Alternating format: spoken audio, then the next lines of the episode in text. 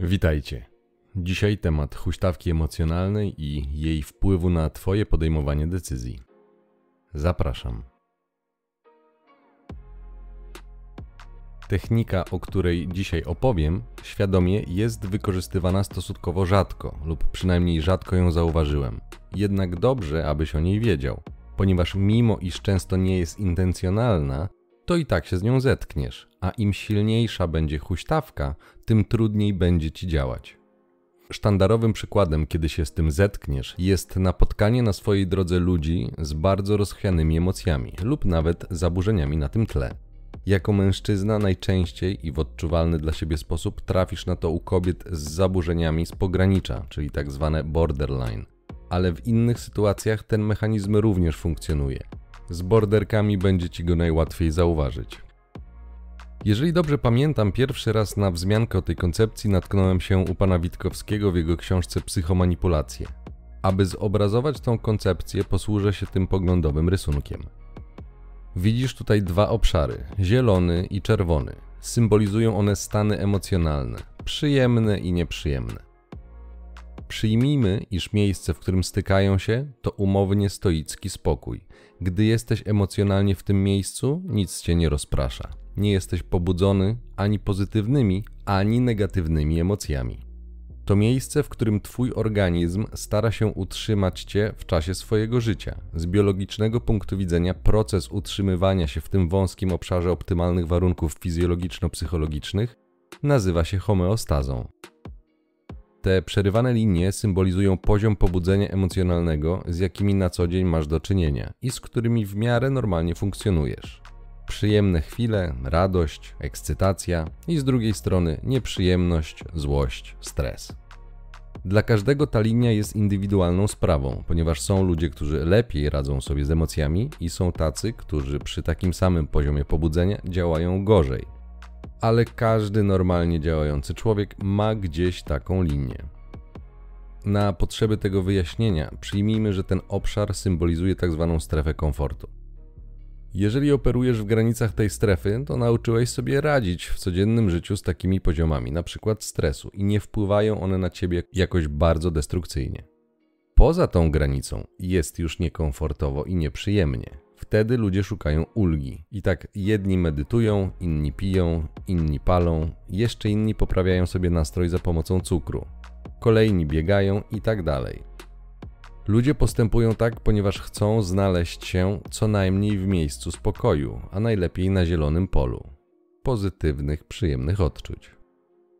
To czarne wahadło symbolizuje Twoje położenie na skali pobudzenia emocjonalnego. Jeżeli nie masz w życiu dużych stresów lub nie nadajesz wydarzeniom wielkiego znaczenia, to zazwyczaj operujesz w granicach tej zaznaczonej przerywanymi liniami strefy.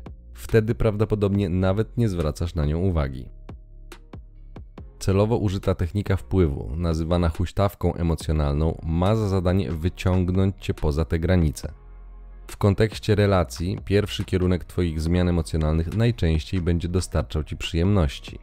Gdyby na początku znajomości czy relacji partnerka dostarczała Ci tylko negatywnych emocji, to pomyślałbyś, że coś jest nie tak, ponieważ czujesz się źle. Więc dlatego na początku przez manipulatorów używane jest bombardowanie miłością. Tak jak w przypadku huśtawki lub wahadła, na tym etapie trzeba użyć najwięcej siły, aby wychylić to wahadło w stronę przyjemności. Ta siła, w tym przypadku, to wysiłek włożony w wytworzenie przyjemnego środowiska wokół ciebie. Zwróć uwagę, że na początkowym etapie relacji każdy stara się pokazać z jak najlepszej strony, więc bardzo często nikt nawet nie zorientuje się, że wkładane jest dużo wysiłku, aby ofiara poczuła się dobrze, bo w pewnym sensie to jest normalne zachowanie. Kiedy już uda się osiągnąć intensywne stany emocjonalne, potrzeba dużo, dużo mniej energii, aby wahadło stanu emocjonalnego wychyliło się w drugą stronę. W świecie fizycznym za ten powrót odpowiada grawitacja, w sferze emocjonalnej odpowiada za to mechanizm homeostazy. Przypominam, że to, że jako ludzie odczuwamy emocje, ma również swoje konsekwencje hormonalne. Jeżeli bardzo przyjemne wydarzenia powodują wydzielenie hormonów szczęścia, to organizm będzie starał się w drodze mechanizmu homeostazy powrócić do równowagi, czyli na przykład wydzieli kortyzol. Co w połączeniu z nieprzyjemnie interpretowanymi wydarzeniami wychyli wahadło w drugą stronę. Z drugiej strony, czyli przy dużej ilości kortyzolu, organizm będzie chciał powrócić do równowagi, pompując na przykład dopaminę. Więc będzie działał tak samo, tylko w drugą stronę, aby powrócić do równowagi. I tu zaczyna się największe niebezpieczeństwo. Jeżeli zmiany stanów emocjonalnych będą następowały bez przerwy, euforia, rozpacz, euforia, rozpacz i tak w kółko, a na dodatek zmiany te będą bardzo intensywne, to nasz organizm zacznie wariować w sensie emocjonalnym i hormonalnym, ale też i poznawczym. Im większa będzie częstotliwość i amplituda huśtawki emocjonalnej, tym mniejsza jest zdolność do logicznego myślenia. Jeżeli ktoś nie doświadczył takiej huśtawki w wykonaniu na przykład borderki, to niestety słowa nie oddają powagi sytuacji, w jakiej znalazła się ofiara. W tym momencie pomijam wszystkie inne triki i techniki. Chodzi mi jedynie o efekt otępienia, dosłownie ograniczonej umiejętności myślenia, jaki powoduje huśtawka emocjonalna. Dosłownie zmniejsza się możliwość przetwarzania informacji już sam stres tak działa, ale w połączeniu z huśtawką to piekielna kombinacja. Jeżeli stany emocjonalne są zmieniane bardzo szybko, dosłownie człowiek przestaje myśleć. Zetknąłem się z tym, kiedy już wiedziałem trochę, jak działają emocje oraz miałem troszeczkę wglądu we własne stany, a i tak dopiero po fakcie byłem w ciężkim szoku, co się ze mną stało, ponieważ zdałem sobie sprawę, jak mój mózg kołowa ciało i jak mocno wchodziły wszystkie sugestie oraz jak bardzo podatny stałem się na wszelkie prośby. Kiedy w późniejszym okresie zacząłem studiować metody wpływu, okazało się, że są naukowe badania, które potwierdzają efekty, które sam zaobserwowałem. Zainteresowanych szczegółami odsyłam do wspomnianego pana Witkowskiego lub do badania pana Dolińskiego. Link umieszczę w opisie. Opowiadam o huśtawce emocjonalnej dlatego, że mimo iż często nie jest stosowana świadomie, intencjonalnie, to efekt jej występowania będziesz odczuwał na sobie, a dodatkowo z dużą dozą prawdopodobieństwa jej skutek nie będzie dla ciebie korzystny. Dlatego musisz wiedzieć. Książkowy przykład działania tej techniki obrazuje tzw. Tak metoda dobry glina, zły glina. Często występuje w filmach, więc ty prawdopodobnie już zetknąłeś się z tą techniką. Na początku do akcji wchodzi zły policjant. Serwuje dużą dawkę stresu w postaci krzyków, gruźb, ogólnie strachu. Urabia w ten sposób osobę, po czym do akcji wchodzi dobry glina, który okazuje zrozumienie, wsparcie, a może i współczucie przesłuchiwanemu.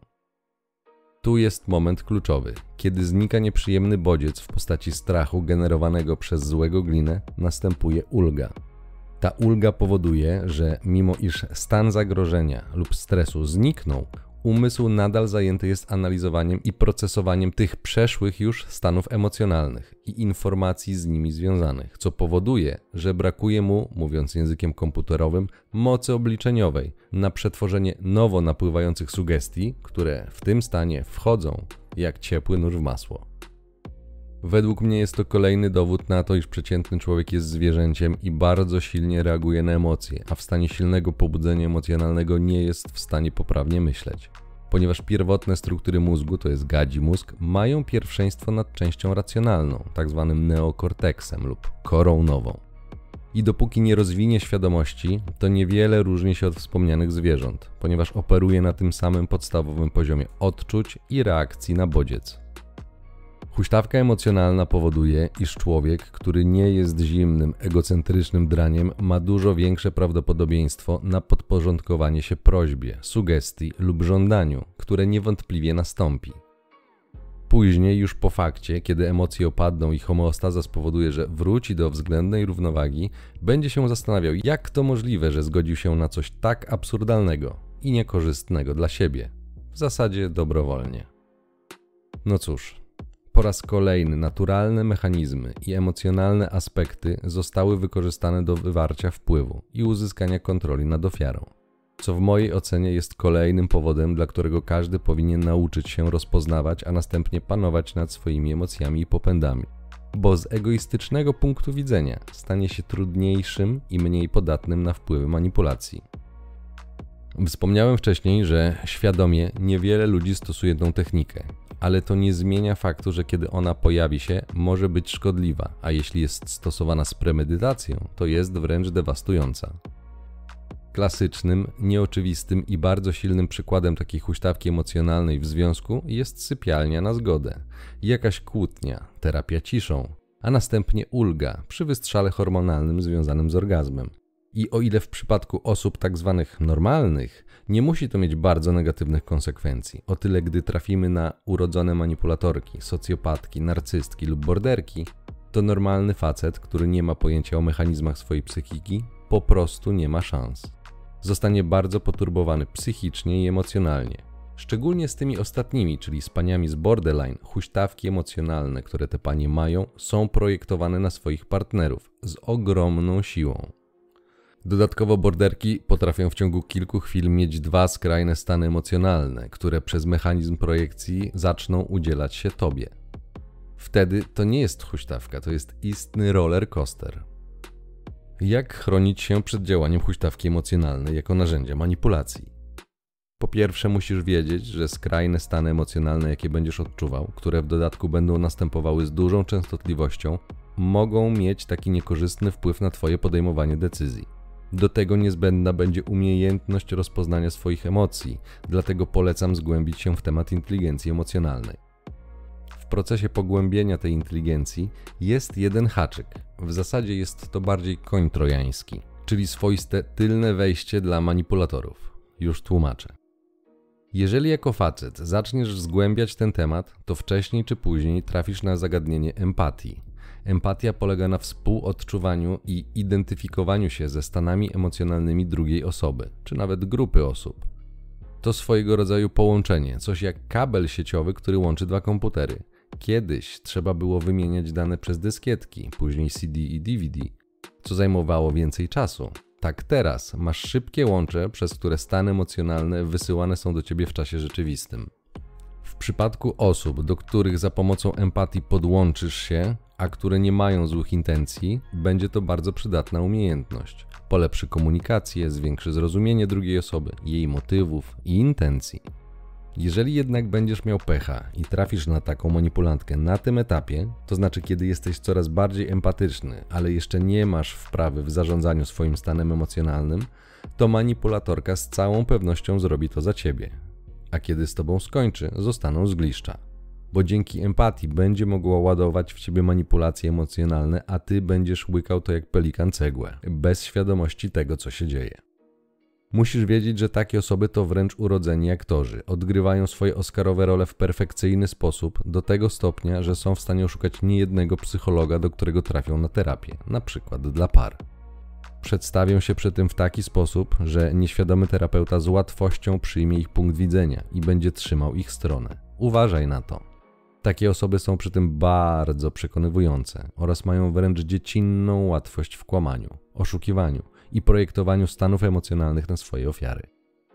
Na zewnątrz stwarzają pozory najlepszych ludzi na świecie, niemalże świętych. Dzięki temu są w stanie bez najmniejszych problemów narzucić swoją ramę na nieświadomą ofiarę. Lecz nie jest to przypadek. One zwiększają szanse sukcesu, wybierając odpowiednio słabe osoby, które są podatne na ich manipulacje.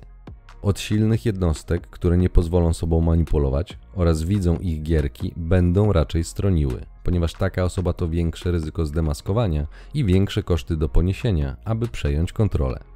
To kolejny powód, dla którego zachęcam Cię, abyś stał się silnym mężczyzną. A jest wiele atrybutów siły, mądrość jest jedną z nich. Drugi sposób, jeżeli nie masz w tym doświadczenia, to niestety polecam się ewakuować z takiej relacji, w której ktoś wystawia cię na skrajne stany emocjonalne, aby następnie uzyskać od ciebie jakąś korzyść. Ponieważ jeżeli ktoś świadomie stosuje na tobie tą technikę, prawdopodobnie jest dużo lepszym graczem od ciebie i nie masz z nim wielkich szans. Jeżeli masz na tyle samo zaparcia i hartu ducha, aby wytrwać trochę w takiej relacji, to w ten sposób zdobędziesz bezcenne doświadczenia, które w przyszłości zaowocują. Ale ostrzegam, to trudna i niekomfortowa droga, zdecydowanie poza strefą komfortu, dlatego niewielu ludzi będzie chciało nią podążyć. W relacjach biznesowych, na przykład w negocjacjach, również spotkasz się z tym, przy czym zastosowanie presji czasu też jest metodą wywierania stresu, co następnie może być wykorzystane do zrobienia huśtawki emocjonalnej. Presja czasu i odpuszczenie, następnie kolejny raz presja czasu, bo na przykład przełożony naciska i masz huśtawkę emocjonalną. Trzecia metoda to zachowanie stoickiego spokoju lub przynajmniej udawanie takiego spokoju, czyli poker face i pokerowy blef. Jeżeli manipulatorka zobaczy, że nie jest w stanie wywołać huśtawki emocjonalnej danym triggerem, to z całą pewnością poszuka innego, który działa. Ale jeżeli w ogóle nie będzie mogła wpłynąć na Twoje emocje, jest duża szansa, że odpuści i poszuka innej ofiary. Możesz poinformować taką osobę, że robi niepotrzebne ciśnienie, i jeżeli to będzie ktoś, kto nie jest tego świadomy i nie ma złych intencji, to jest duża szansa, że przestanie. Ale na wyrachowane manipulatorki to nie zadziała i nie przestaną, ponieważ doskonale wiedzą, co robią, i to jest celowe i świadome działanie. Wiedzą, jaki efekt uzyskają, i tego właśnie chcą kontroli i Twojego poddaństwa. Takie są zasady gry. Ich ego powoduje, że hołdują zasadzie mojsze jest mojsze niż twojsze. Właśnie z tego powodu działa metoda szarego kamienia. Nie słuchasz, nie reagujesz i po prostu robisz swoje. Relacja, w której ktoś celowo i notorycznie huśta twoimi emocjami jest już skończona, tylko jeszcze o tym nie wiesz. Dlatego, że jeśli dasz się stłamsić, to staniesz się nudny, przewidywalny i nadejdzie czas na kolejną ofiarę. Z drugiej strony, jeżeli nie dasz się zmanipulować, to najzwyczajniej w świecie ciebie będzie męczyła taka ciągła walka z taką manipulatorką. I wcześniej czy później sam dojdziesz do wniosku, że relacja z taką osobą to droga przez mękę i to nie ma sensu. I sam odejdziesz. W tym ostatnim przypadku po jakimś czasie pomocny będzie naturalny mechanizm obrony zwany habituacją. Habituacja to nic innego jak przyzwyczajenie się do bodźca. Manipulatorka najczęściej stosuje kilka, ale tych samych zagrań. Na początku są nieprzyjemne i bolesne, ale po jakimś czasie, jeżeli zauważysz, że coś jest nie tak i zastanowisz się nad tym, co właściwie się dzieje, to te zachowania zaczynają być znajome, przyzwyczajasz się do nich i z czasem tracą swoją moc, właśnie przez habituację. Wtedy ze strony manipulatorki może nastąpić eskalacja, ponieważ bodziec, który powoduje reakcję emocjonalną, musi być coraz silniejszy i silniejszy, aby wywołać taki sam skutek. W pewnym momencie jest jednak granica, którą już ciężko przekroczyć. Najczęściej jest to zdrada, bo co najgorszego poza łatwą do wykrycia przemocą fizyczną może zrobić partnerka, aby cię zabolało? Zdradzić lub odejść. Pamiętaj, że cała moc manipulatorki wynika z tego, że oddałeś kontrolę nad swoimi emocjami i myślami. Wiem, że często dzieje się to nieświadomie, ale właśnie dlatego musisz wiedzieć o tych mechanizmach. Więc jeżeli jesteś wystawiony na takie huśtawki, to po jakimś czasie takie same prowokacyjne zachowania lub słowa będą coraz mniej cię ruszały. Wtedy masz szansę dostrzec sytuację, w jakiej się znajdujesz, ponieważ coraz mniejsze pobudzenie emocjonalne powoduje manipulatorka. W kontekście relacyjnym wyobraź sobie sytuację, że następuje kłótnia i następuje po niej terapia ciszą. Sama kłótnia zazwyczaj generuje nieprzyjemne odczucia, a w którymś momencie kobieta szykuje się, stroi, maluje, po czym oznajmia, że umówiła się z koleżanką na drinka. Może to być na przykład zagrywka obliczona na zasianie jeszcze większych wątpliwości w Twojej głowie. Te wątpliwości spotęgują stres. Zdziwiłbyś się, ilu partnerów w takich sytuacjach próbuje się nawzajem szpiegować. Czy aby na pewno jest to drink z koleżanką? Czy aby na pewno jest to piwo z kolegą? Więc do wywołania huśtawki emocjonalnej może być wykorzystane nie tylko słowo, ale też zachowanie. Po jakimś czasie następuje sypialnia na zgodę, czyli wahadło wraca na pole przyjemności i zwiększa się szansa na uległość, czyli spełnianie próśb. Ale do czasu. Jeżeli będzie dozowana z umiarem i rozwagą, będzie ciężka do zauważenia, ale jeśli będzie serwowana non-stop, w końcu straci swoją moc, ponieważ do niej przywykniesz. Pamiętaj, że jeżeli ktoś używa manipulacji świadomie, to z reguły emocje takiej osoby nie są tak pobudzone jak Twoje, ponieważ cała akcja jest zaplanowana i z góry przygotowana. To powoduje, że manipulatorka panuje nad sytuacją, bo wie, co zdarzy się dalej, ponieważ sama to wykona, a ty musisz działać nieprzygotowany, co potęguje stres.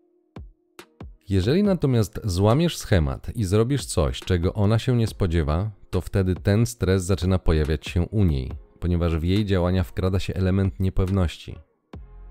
Zerwanie się ofiary ze smyczy powoduje u manipulatorki poczucie braku kontroli, czyli taka osoba była do tej pory w przyjemnej strefie, ponieważ kontrolowała sytuację i to zapewniało jej komfort i poczucie bezpieczeństwa. A złamanie schematu powoduje ruch tego wahadła emocjonalnego do nieprzyjemnych stanów. Jeżeli znasz techniki ludzi manipulujących, to wtedy jest jak gra w szachy, ruch za ruch. A że znasz schemat, to możesz się skuteczniej bronić, ponieważ możesz przewidywać z dużą dozą prawdopodobieństwa, jaki ruch nastąpi.